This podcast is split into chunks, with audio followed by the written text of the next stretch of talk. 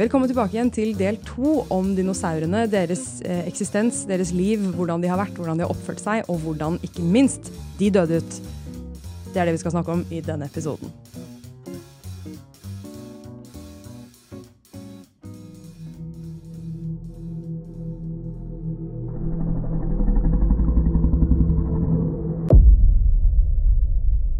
Vi er jo i en bit av podkasten nå hvor jeg gjerne vil snakke om atferd, men vi må snakke bitte litt mer om fjær. Fordi det er et veldig viktig funn som er gjort, som fortalte oss mye om fjærene til dinosaurer. Eh, og det kalles for dinosaurenes Pompeii, eller kinesisk Pompeii. Ja. Kan du fortelle litt om det? ja, det er jo sånn at eh, de siste 20 årene, kanskje særlig, så har Kina vært veldig sånn eh, fokus for mange paleontologer, fordi det er funnet helt fantastiske ting der. Og dinosaurenes Pompeii, da, som du nevner, det er et sted som heter Liaoning, eh, eller Jehol, og som er et område eller en formasjon der rett og slett oppbevaringen av fossiler er helt fantastisk, da. Fordi at det som er, når, som regel når vi får danna fossiler av dyr med et indre skjelett, sånn som oss, så er det jo skjelett og tenner som blir oppbevart, og resten blir borte. Og det er jo en av grunnene til at man har lurt veldig på det her med dinosaurer og fjær, og at vi vil ha veldig mange ubesvarte spørsmål om ting som har med bløtvev å gjøre. Ja, Sånn fordi som- hud og fjær og alt sånt forsvinner, liksom. Stort sett forsvinner det.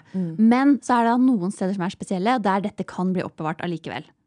Og det er dette her et eksempel på. Og her er det ikke bare funnet ett, men kjempemange dinosaurer med fjær med kjempegod oppbevaring. Og det har eh, gjort veldig mye for forståelsen vår av evolusjon fra rovdinosaurer til fugl. Men det er jo ikke sånn at det, dette er jo på en måte Dinosaurenes Pompeii har betydd veldig, veldig mye. Og de funnene fra Kina har vært virkelig med på å liksom gjøre det helt klart at fugler er dinosaurer. Men dette lurte man jo på allerede på 1800-tallet. Og det første på en måte viktige funnet er fra, er fra 1800-tallet. er en Archeopteryx som er funnet i Tyskland. Som jo er på en måte både fugl og dinosaur på en gang. Det var det de lurte på, da, forskerne, da de fant det. Hva, hva er det her? Og her er det tydeligvis Det, det fins fjær fra det dyret. Og det fins en kropp som har en sånn blanding av det vi sier er liksom klassiske fugletrekk, og liten rovdinosaur. Darwin lurte på det her, så kom den her Archaeopteryx litt etterpå. Eh, så dette har man lurt på kjempe, kjempelenge, og mange har ment at eh, fugler er dinosaurer. Og det er på en måte veldig logisk på mange måter, men funnene fra Kina har gitt utrolig mye mer eh, detaljert informasjon og liksom gjort det veldig tydelig at det er det som er sammenhengen. Og lært oss om fjærens evolusjon, eksempel.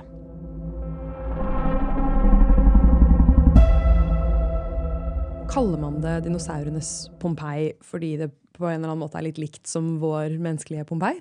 Ja, helt klart. For det er flere lag med vulkansk aske, så det har vært flere vulkanutbrudd. I den perioden så er det ikke helt likt som Pompeii, for Pompeii er på en måte, det er jo én hendelse én dag. Mens de lagene her da, i i Kina som vi kaller for dinosaurens Pompeii, er en lengre periode. Så alle dyrene har ikke dødd Samtidig. helt på likt, men i flere runder. Og så er det, vet vi ikke om alle har dødd av vulkanutbruddet, eller om noen kan ha dødd av andre ting, og så blitt raskt dekket, f.eks. med vulkansk aske, men også med sånn sedimenter, altså bitte, bitte, bitte små sand og leir og sånn, i elver og innsjøer, da, som det var mye av i området. Så det har vært liksom i flere runder, da. Ja. Men rask Altså at et dødt dyr blir raskt dekket til med noe, enten det nå er leire eller vulkansk aske, det er ofte veldig veldig viktig for at du skal ha oppbevaring som er god, da. Ja, og som Og- kan fortelle oss om fjær. Som for eksempel kan fortelle oss om fjær. Mm. Veldig kult. Er det sånn at man kan se på en måte fargen på fjærene fra dinosaurenes Pompeii? Ja, det, det blir veldig spennende på en måte, egentlig i årene som kommer. Fordi at eh, Før så pleide man å si at eh, farger på dinosaurer det er helt umulig. Det kommer vi aldri til å få vite. Det er bare tipping. Og det er stort sett bare tipping i, på tegninger og sånn. Men det har kommet nye metoder de siste årene, high-tech metoder, for å se på molekylære strukturer, liksom veldig, veldig, veldig små strukturer, for eksempel forskjellige typer mikroskop, eh, som gjør at vi kan si noe om ok, kanskje hva slags fargepigmenter som fantes i hud eller fjær hos utdødde dyr. Så der har det skjedd et veldig stort steg framover. Og for eksempel så fins det fjær der man helt tydelig kan se at det har vært mørkere og lysere bånd Ja. på fjærene. Og så kan vi kanskje ikke vite om det mørke var Var det mørkegrønt, eller var det svart, eller var det Hvilken mørkfarge var det, og hvilken lysfarge var det? Det er kanskje vanskeligere. Men ja, til en viss grad så kan vi si noe om hvordan de så ut, da. Mm.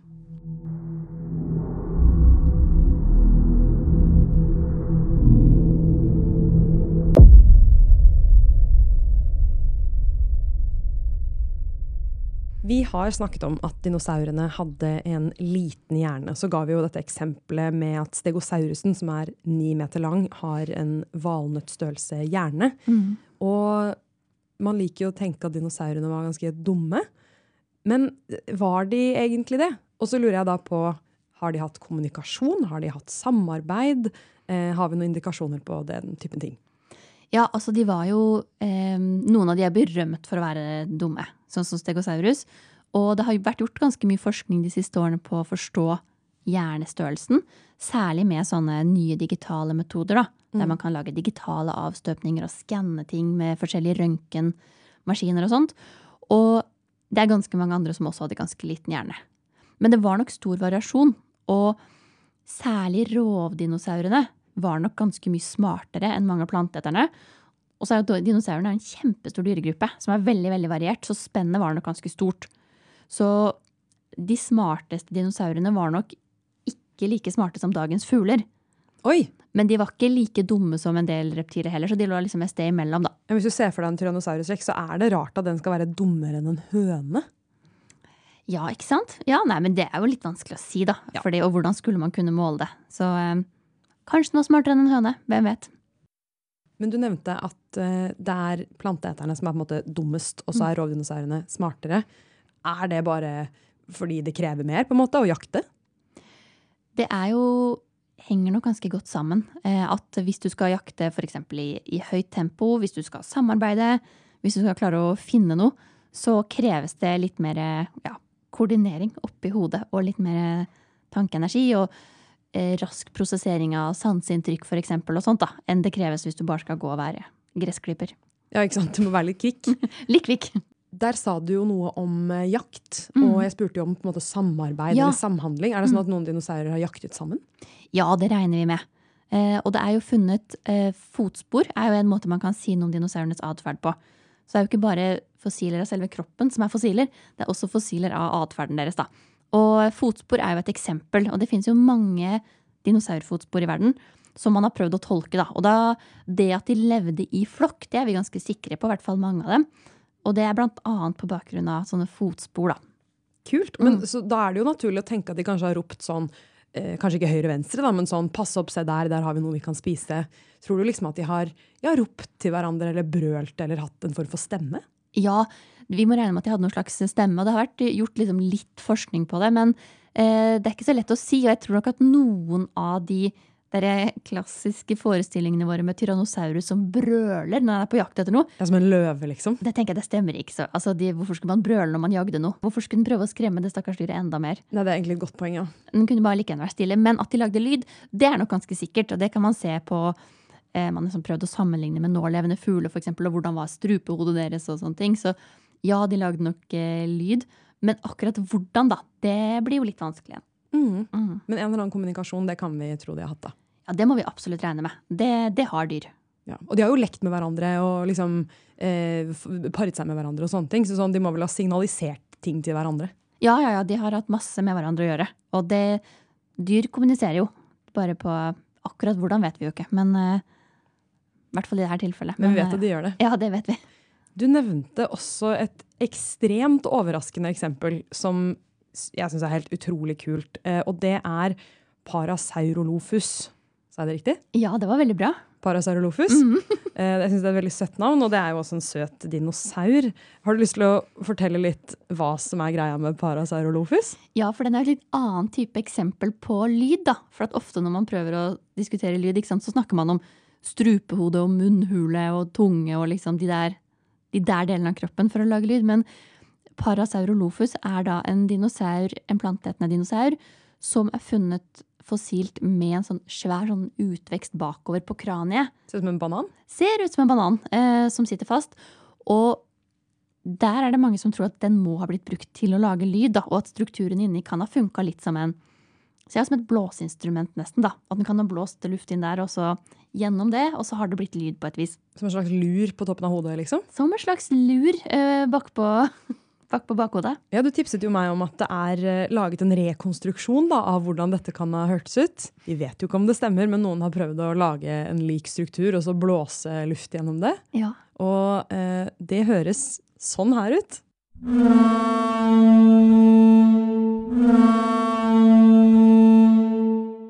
Altså,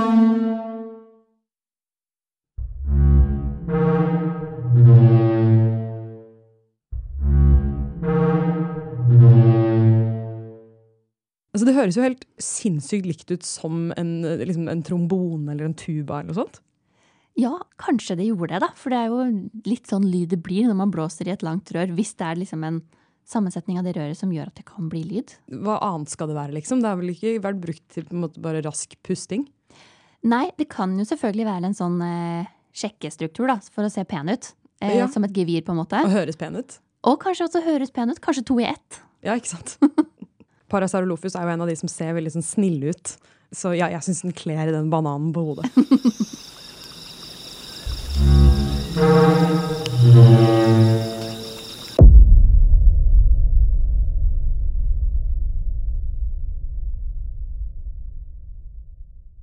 Vi kommer over til et ganske mye mer flåsete og spekulativt spørsmål, stilt av min bror.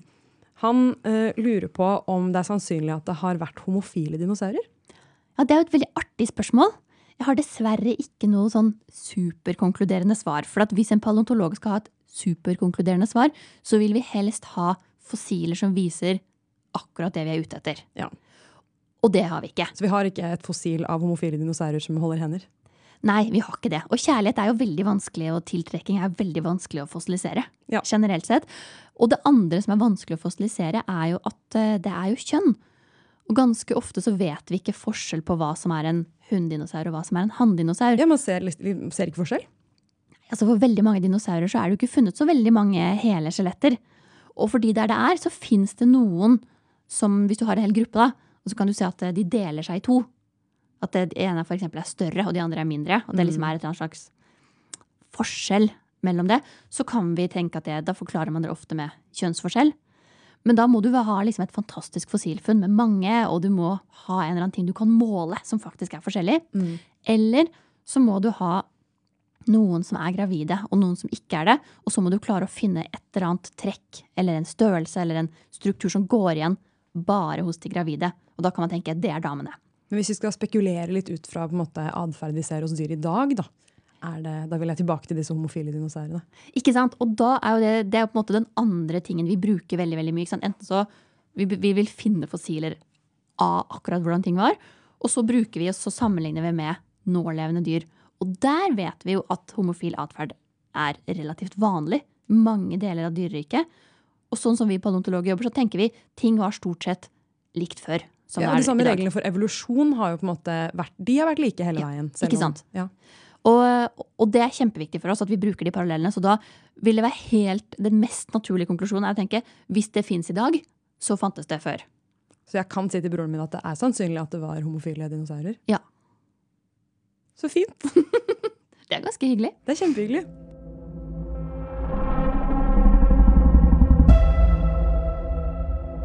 Du nevnte at det er vanskelig å se kjønnsforskjeller på dinosaurer. Og det tar oss jo på en måte litt til dette med hvordan de har fått barn. Altså paring. Det er et av lytterspørsmålene mine som jeg har fått inn. Vet vi noen ting om hvordan, eh, hvordan dinosaurer har paret seg, rett og slett? Nei, altså det er også litt vanskelig, og da er det på en måte de to, to tingene som vi snakka om i stad. Da må vi enten må vi finne et fossil av akkurat det som svarer på akkurat det vi lurer på, og så må vi bruke nålevende dyr. Og det er liksom de to typene bevis som vi bruker for å kunne svare på sånne litt kinkige spørsmål. da. Og akkurat hvordan de para seg, nei, det vet vi jo ikke helt. Vi vet at de la egg. Vi vet at de hadde indre befruktning. Indre befruktning, ja. Ja. Eh, hadde de penis? Høyst uklart. Ja, For det finnes jo dyr som har penisbein. Så det kan man kanskje finne fossilt, Ja. muligens. Ja, og det burde man kanskje ha funnet til nå, hvis Ja. de hadde det. Så vi kanskje tenker at de ikke hadde det. Eh, men så da, om de hadde en penis i det hele tatt, det vet vi ikke. Kjempeinteressant. Det er jo et mysterium. Ikke sant? For hvis det ikke var noe bein inni der, ikke noe hardt, så skal det mye til at det fossiliseres. Ja. Og det er jo mange som har lurt på. Da er det selvfølgelig vanskelig å liksom komme utenom at eh, de største langhalsdinosaurene var jo kanskje 20, kanskje enda lenger meter lange. Og enormt mange tonn tunge. Så hvordan de har para seg, det er jo litt eh, Det er en fysisk utfordring. Det er en fysisk utfordring av, av store dimensjoner. Jeg synes Det er veldig vanskelig å forstå, men det har jo åpenbart gått veldig bra. For at eh, langhalsene har jo vært overalt, veldig mange. De har absolutt klart å pare seg. De har absolutt klart, og det har de enorme rovdinosaurene, og alle sammen har klart å pare seg. Dinosaurene, kjempevellykka dyregruppe. Og hvis Ja, ja. man skal være en vellykka dyregruppe, så må man pare seg og få barn. En veldig viktig del av det. det er faktisk helt sentralt. Men akkurat hvordan det var, det har vi ikke noe godt, eh, har ikke noe godt svar på det. Så vi kan konkludere med at om dinosaurene for eksempel hadde penis, det vet vi rett og slett ikke. Nei. Kjempeinteressant. Mm.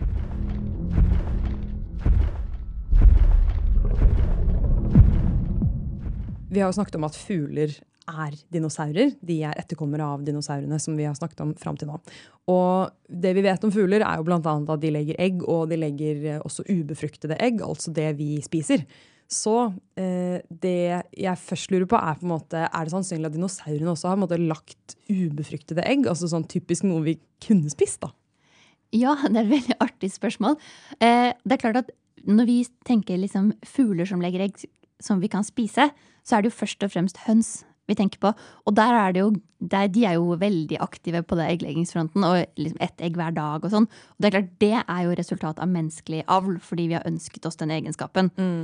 De ville lagt ubefrukta egg, men ville jo ikke lagt på nær, langt nær den mengden hvis de var uh, ute i naturen. Ja, Dårlig Da- ressursutnyttelse. Ja, ganske dårlig ressursutnyttelse med ett egg per dag. Men at det av og til ble lagt ubefruktede dinosauregg, det tenker jeg vi må regne med. Overhodet ikke ett hver dag, men at det skjer fordi man har egg som ikke alltid blir befruktet. At det er på en måte en logisk del av biologien. Og da vil vi tro at de liksom har hatt en slags hvitte og plomme og sånn. Det kan vi jo tro, da. Eh, det er jo mange ting som ligner, må vi regne med, i på en måte i den indre strukturen i et dinosauregg. Og så vet vi jo ikke helt på en måte, hvis det var ubefrukta, ville det da hatt de samme delene, eller ville det vært liksom Ja, hvordan ville det vært? Men la oss si det, da. Ok. Ja. Uh, ja, for det leder jo opp til mitt neste spørsmål, som er litt, kanskje et litt bisart spørsmål. Men um, jeg har gjort litt research, og det viser seg at uh, folk over hele verden spiser krokodilleegg. Og krokodillen den vet vi jo fra i stad at den har levd uh, utrolig lenge. Det er en eldgammel dyreart. Og er lenger unna fuglene enn det dinosaurene er fuglene. Og eh, krokodilleegg de skal visst ha, det står beskrevet på internett at de har en subtle fishy taste, men er veldig gode. Og også bra for kolesterolet. Så spørsmålet mitt er på en måte, med denne bakgrunnen i bakhånd, er det, måte, er det sannsynlig at et eh, dinosauregg vil kunne smake som noe vi kjenner igjen som et egg? Ja, altså med den informasjonen der, da. Hvis vi kobler informasjonen om fugler og den om krokodiller, så fins det en eh, metode som heter phylogenetic bracketing, som handler om å eh, på en måte ha et slektskapstre. Så plotter du noen egenskaper, og så bruker du det du vet, til å finne ut det du ikke vet. Og da må dinosauregg ha smakt godt. Ja, Så jeg ga deg akkurat den eh, nyttige informasjonen til litt fylogenetisk bracketing. Ja, det var veldig nyttig. Det var så bra. ok, Veldig kult. Det største dinosauregget er på størrelse med en fotball, forresten. Ikke spesielt stort, men det blir jo en skikkelig real omelett hvis du lager en omelett av et sånt Det blir bra omelett. Mm.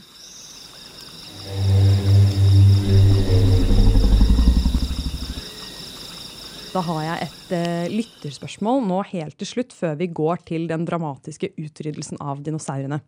Det er da spørsmål om DNA. Uh, og det er spørsmål om vi har klart å finne noe som helst dinosaur-DNA.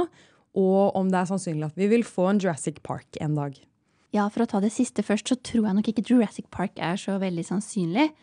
Det er klart at eh, for noen år siden så var det liksom helt usannsynlig. Fordi vi snakket om eh, at DNA er jo en type molekyl som brytes ned veldig, veldig fort. Og det gjør de fortsatt.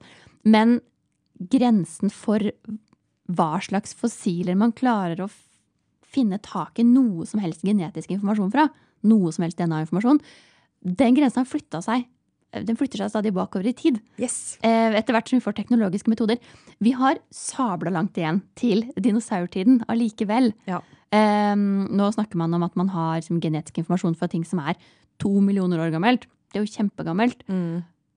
Men så skal vi da mer enn 66 millioner for å komme tilbake til dinosaurene. Så eh, Jurassic Park er nok ikke så sannsynlig. Det er noe som ville beroliget en seks år gammel meg, i hvert fall. Jeg hørte at man har funnet noe som kan være blodceller. Kan det stemme? Ja, altså det er, det er typisk sånn som blir litt sånn diskutert. Da. Er det det du ser, eller er det noe annet? Men det er jo altså mikroskopimetodene som har blitt utviklet de siste årene, er jo helt fantastiske. Eh, på samme måte som f.eks. røntgenmetodene er, er jo blitt helt eh, rå. Og da kan man se med de her nyeste mikroskopene utrolig små strukturer. Bitte, bitte, bitte små. Og det har blitt funnet ting, eh, også hos fiskeøgler, som forskerne som har funnet det, hevder er røde blodceller. Stemmer det? Jeg vet ikke. Men eh, i min forskning, når jeg ser på f.eks. den indre strukturen i knokler, så kan jeg jo se ett og ett rom der det har ligget en og en beincelle. Nei. Det kan jeg se. Wow. Og det er ikke beincellen er ikke der lenger, men rommet dens er der med bitte små forgreininger og sånt.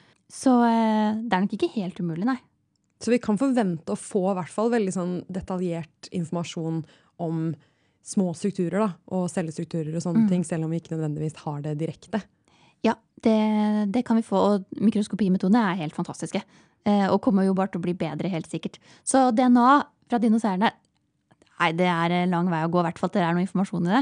Men eh, mange andre små strukturer, helt sikkert. Mm. Jeg har jo bakgrunn i elektronmikroskopi. Det er det jeg skrev masteren min om. Mm. Så jeg synes jo, jeg blir helt sånn klør i fingrene etter å kunne se på mikrostrukturer i eh, liksom, ja, de ulike typene elektronmikroskoper. Da. For da, du, du kan jo se virkelig små ting. Og sikkert også med veldig gode lysmikroskoper. Ja da. eh, Jeg har prøvd begge deler. Både elektronmikroskop og lysmikroskop. Og det er, man kan se veldig små ting. Det er veldig kult. Wow.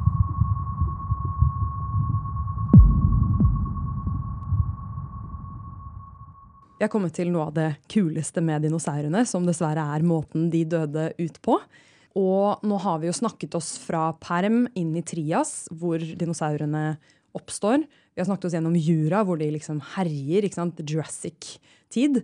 Og vi er kommet til kritt. Det er den siste perioden hvor dinosaurene lever. Fra den eldste dinosauren, som vi har nevnt nå, som er Stegosaurus.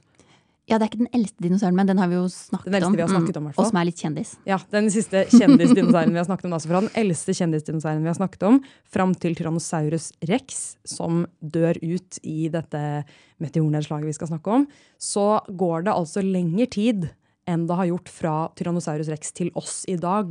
Bare sånn at det er tydelig for folk at det er en enorm periode at dinosaurene har holdt koken. da.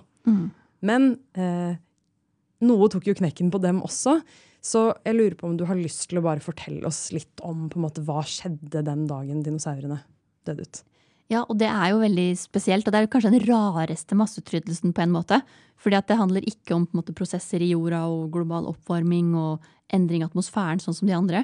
Men det handler om rett og slett en stein fra verdensrommet som krasja inn i jorda for 66 millioner år siden.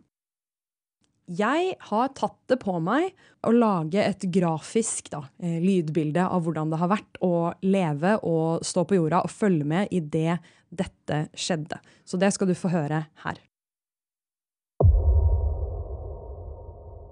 Du hopper inn i en tidsmaskin og skriver inn at du skal til Yucatan i Mexico for 66 millioner år siden. Dette er tidspunktet da livet på jorda kanskje hadde absolutt mest uflaks.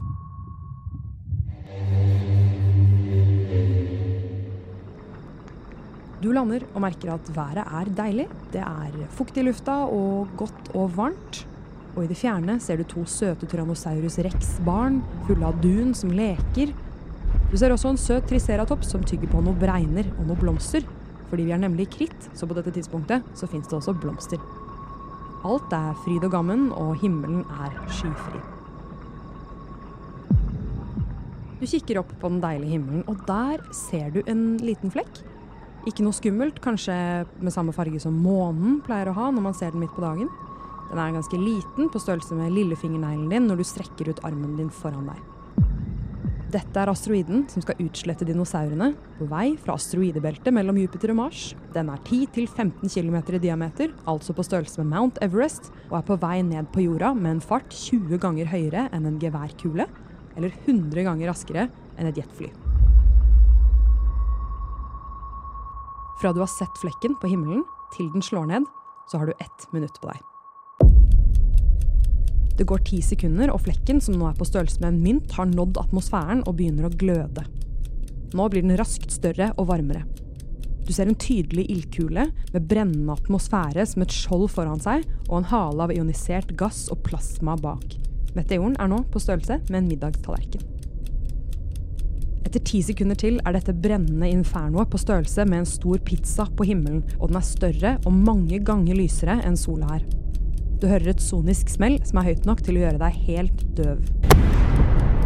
På få sekunder dekker meteoren halvparten av himmelen, og den glødende steinen og den brennende atmosfæren er så lys at ser du rett på den, så vil netthinnen din og de lyssansende cellene i øynene ta så mye skade at du blir blind umiddelbart. I tillegg er det glovarmt. Varmen fra meteoren på ansiktet er uutholdelig, du blir svidd, overflatevannet i havet damper og koker, og trærne tar fyr spontant rundt deg. Det er ti sekunder igjen til meteoren treffer bakken. Det siste du ser, det er en vegg av glovarm stein omhyllet av brennende atmosfære som fyller hele himmelen over deg. Og der treffer meteoren bakken.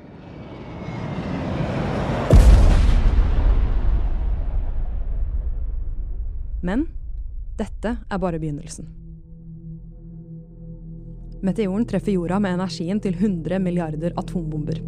Den fordamper både seg selv og jordskorpa rundt og kaster masse flere ganger enn sin egen vekt opp igjen i lufta. Noe av dette går så fort at det går rett ut igjen i verdensrommet. Sjokkbølgen av luft pulveriserer stein og moser alle organismer til det ugjenkjennelige.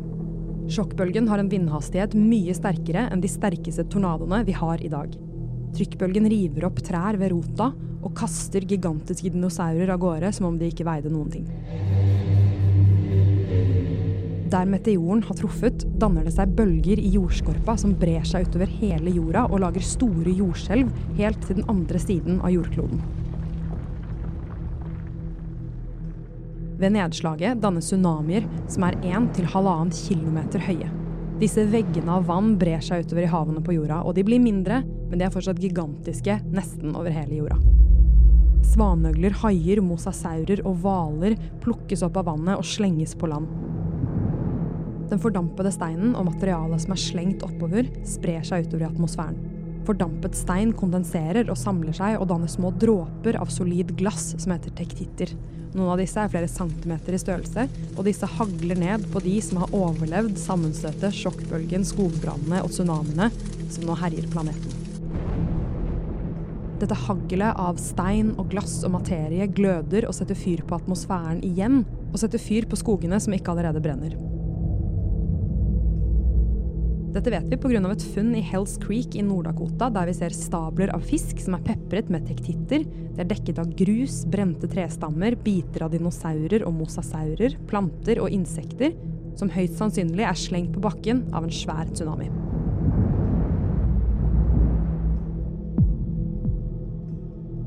Sot og støv fra nedslag og skogbranner fyller atmosfæren og gjør det mørkt. Sola stenges ute, det blir kaldt og mye av plantene dør. Etter dette er miljøet ekstremt ustabilt og ugjestmildt, og dinosaurene som ikke blir til fugler, de dør ut. Men en liten rottelignende type overlevde, og det skulle senere bli til oss. Ja, så ganske dramatiske saker. Veldig dramatisk. Det er vel sånn at vi tenker ofte at det sekundet denne meteoren slo ned, så døde liksom alle kjendisdinosaurene. Mm. Men er det helt riktig? Nei, og det er jo litt sånn som du sa, ikke sant, at uh, man glemmer hvor lenge dinosaurene fantes. Så Stegosaurus for eksempel, var jo borte for lengst. Mens Tyrannosaurus rex er jo en av de som vi vet at den levde helt til slutten av kritt. Mm. Så vi må regne med at den døde som en følge av dette meteornedslaget. Og så skjedde det jo egentlig ting ganske fort, da. Og det var jo ikke alle, som ble truff, altså, ikke alle dinosaurer som ble truffet i hodet av denne steinen. Nei. fra verdensrommet. Men konsekvensene kom ganske fort, så det er relativt kort tid vi snakker om. da. Ja, Skogbranner og jordskjelv og ja. masse greier. Mm. Ja, Så har det vært mange generasjoner på en måte med dinosaurer etter dette impactet, eller tror man at det har gått fryktelig fort? Det virker som at det har gått fryktelig fort. Eh, og så er det klart at de dinosaurene som overlevde, det var jo fuglene. Mange fugler døde, men mange fugler overlevde også. Men Eh, det er nok mye som har gått ganske fort, men det er klart, noen generasjoner er jo i geologisk tid veldig kort. Ja, ja, ja. Eh, noen av de som dør ut, er jo blant annet det er T-rexen. Den er jo veldig kjent. Og så har vi Triceratops, også superkjent. Den har jo sånn herre pigg på nesa og horn ut av panna og en sånn slags eh, krage bakover. Også en veldig kjent en.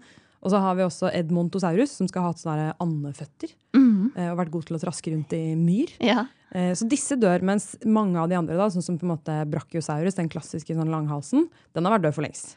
ja, så det er veldig mange som allerede har vært døde lenge. Og det er bare fordi det er snakk om så enormt lang tid. Ja. Så det var, ikke en, det var ikke noe utryddelse før det, det er bare normalt at arter på en måte dør ut etter en viss tid. Ja, Det, har, det er noen paleontologer som mener at uh, dinosaurene var litt i nedgang før det her òg. Men det er sånn omdiskutert. da. Og så er det også omdiskutert om var det denne meteoren alene, eller var det også det at det var sånne vulkanutbrudd annet i India, noe som heter Deccan Traps, eh, som på en måte de to tingene forsterka hverandre og gjorde det enda verre enn det ellers ville vært. Men eh, Noen sånne vulkaner litt à la de som på en måte startet den kjempeutryddelsen i perm, som vi snakket om i stad. ja, bare ikke så enormt, da. Ja. Men, men virkelig, virkelig store vulkanutbrudd som kanskje kan ha forsterka problemet. Men så er det litt Når vi snakker om ting som skjer så langt tilbake i tid, så er det med årsak og virkning ikke alltid så lett å eh, være sikker på. Ja. Mm. Nei, men jeg skjønner. Men uansett så vet vi at det er ganske bankers at denne meteoren ikke var så bra for dem. De fleste tror at det var den aller, aller viktigste årsaken til denne masseutryddelsen. Og den traff og førte med seg en sånn kaskade av miljøendringer. ikke sant? Den er jo også mye av grunnen til at vi er her i dag. Fordi den lille rotta som ble til primatene, den overlevde. Den overlevde. Og vi vet jo at de første pattedyrene oppsto mest sannsynlig i jura, eller kanskje seint i trias. Og var ganske små i kroppsstørrelse og hadde for, så- vidt liksom mange forskjellige livsstil gjennom dinosaurtiden. Mens den her masseutryddelsen på grensa mellom kritt og paleogen, som vi snakker om nå, åpna nye nisjer og åpna bl.a. for at pattedyrene kunne bli store. da. Ja, Litt sånn som perm trias-utryddelsen gjorde for dinosaurene. på en måte. Ja.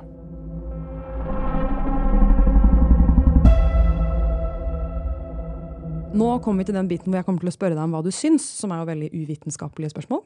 Eh, Jeg lurer da på, Hva tror du ville skjedd dersom denne meteoren hadde truffet oss i dag? Ville vi klart oss? Sjansen er jo størst for at vi ikke ville det. Fordi vi vet at eh, over halvparten av dyra døde ut i denne katastrofen med den steinen som traff. Så da statistisk sett, eh, nei. Nå er det klart at akkurat mennesket er jo spredd over et veldig, veldig stort område. Og eh, er jo ganske flink på å modifisere naturen rundt seg og få det sånn som vi vil. Så det kan jo godt hende noen, mennesker, noen mennesker ville overlevd. Ja, Noen få krigere liksom, de ville klart seg, men du og jeg for eksempel, da, ville kanskje ikke klart oss. Nei, vi vil. Sjansen er størst for at vi ikke ville det. Ja. Ja, for vi har jo faktisk nylig prøvd å snu en meteor. Um, den var riktignok 160 meter og ikke 10-15 km på tvers. Så den var jo ganske liten i forhold, da, men eh, det var jo NASAs DART mission, og det gikk jo bra. Ja, og det var ikke fordi at den var på kurs mot jorda og var noen trussel, men de ville teste om kan vi endre banen til et eller annet som kommer i verdensrommet. På en forutsigbar måte, da. Ehm, det klarte de. Og fikk liksom til å dytte bitte litt, sånn at man endret banen. Ja, for det skal ikke så veldig mye til. Eh, hvis du har god tid, så trenger du bare dytte litt, og da kan du få noe i riktig bane, da. Ja, og så er det lurt å dytte litt også fordi at eh, da er det litt forutsigbart hva som skjer. Ja. Eh, jeg tror at det er et sånt eksperiment hvor jeg ville vært veldig redd for å gjøre noe feil. I tilfelle du sender den mot oss med et uhell. Ja, jeg tipper de har tenkt på det. Ja, det hadde de sikkert tenkt på.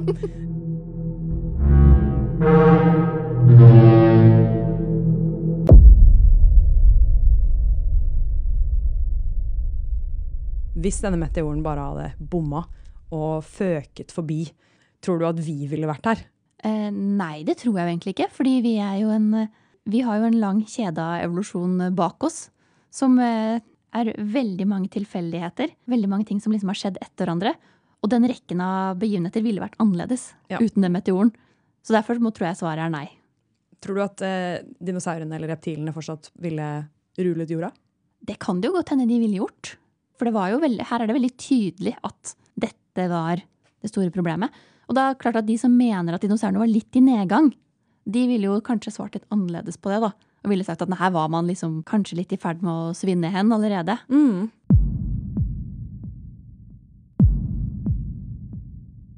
Da har jeg mitt aller siste spørsmål. Og det er Tror du at måte, hvis evolusjonen bare har lang nok tid på seg, at man ender opp med å få sånn selvbevisst liv, da, sånn som vi er? Det er jo et veldig godt spørsmål. jeg tror jo ikke at evolusjonen har noe mål. Eh, det er ikke sånn at vi er noe liksom over på stigen, eller eh, noe mål, eller noe liksom lenger fram enn det andre som har skjedd. Og det er jo også ganske vanskelig å vurdere oss selv versus alle andre, fordi vi ser oss selv som selvbevisste i motsetning til mange andre. Men det er jo vanskelig å si om vi ville vurdert det sånn hvis vi var eh, Hvordan vurderer manetene det, eksempel? Det er veldig vanskelig å, å si. Godt spørsmål. Aner ikke. Eh, godt spørsmål. Så, men eh, Og på en måte, hvor mange tilfeldigheter er det som skal til for at du havner akkurat ved den type intelligens som vi har, eksempel. Mm. Vi fyller jo bare en nisje. Vi fyller en nisje. Ja, vi gjør det. Og vi er et ganske merkelig dyr. Men vi er jo et dyr, og vi er akkurat produkt av samme evolusjon som alle andre dyr. Er det den selvbevisstheten du mener er rar?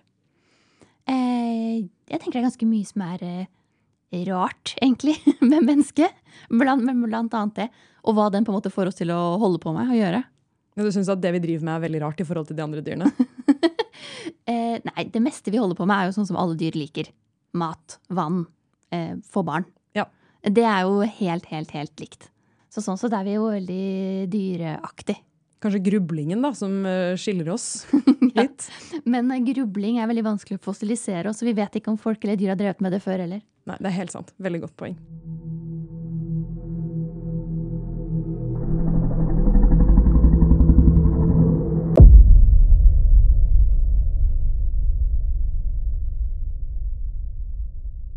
Siste spørsmålet mitt er om du tror på aliens.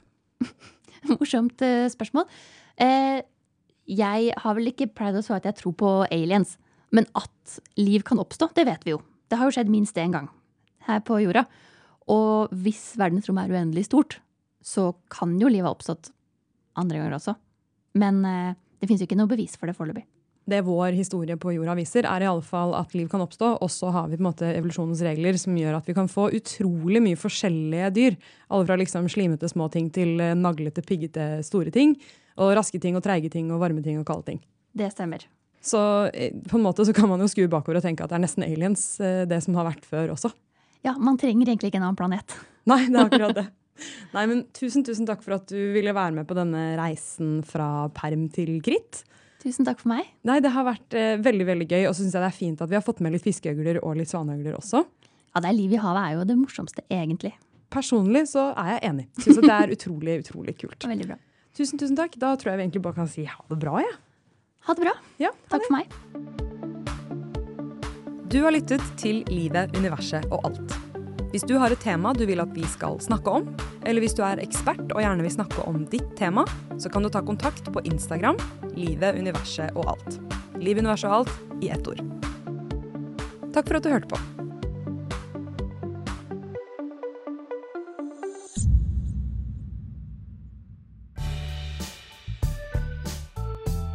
Du har lyttet til en podkast på Radio Revolt, studentradioen i Trondheim. Sjekk ut flere programmer på radiorevolt.no.